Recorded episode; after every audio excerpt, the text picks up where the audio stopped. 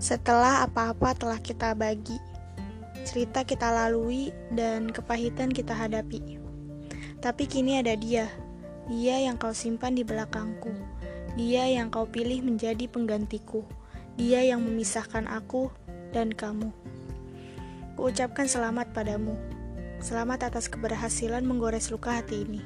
Selamat atas perselingkuhan yang kau perbuat di hubungan ini. Tak usah ditanya lagi.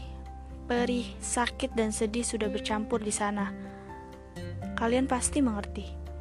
Dan cara terbaik yang pernah aku jadikan keputusan terbaik pula adalah mengikhlaskan.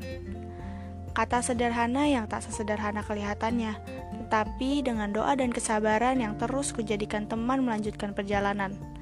Kini rasa sabarku menebal hingga postingan sindiran dan kemesraan yang kalian bagikan sama sekali tak kuperdulikan karena aku yakin aku benar-benar tegar sampai pada akhirnya tertulis pada statusmu.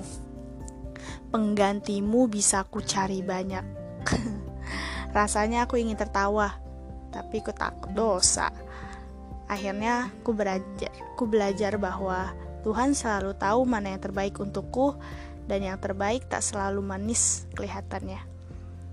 Tapi aku benar-benar bersyukur telah mengikhlaskanmu waktu itu. Dah mantan. Oke. Udah segitu. Jadi ini adalah salah satu cerita dari uh, teman-teman di Instagram.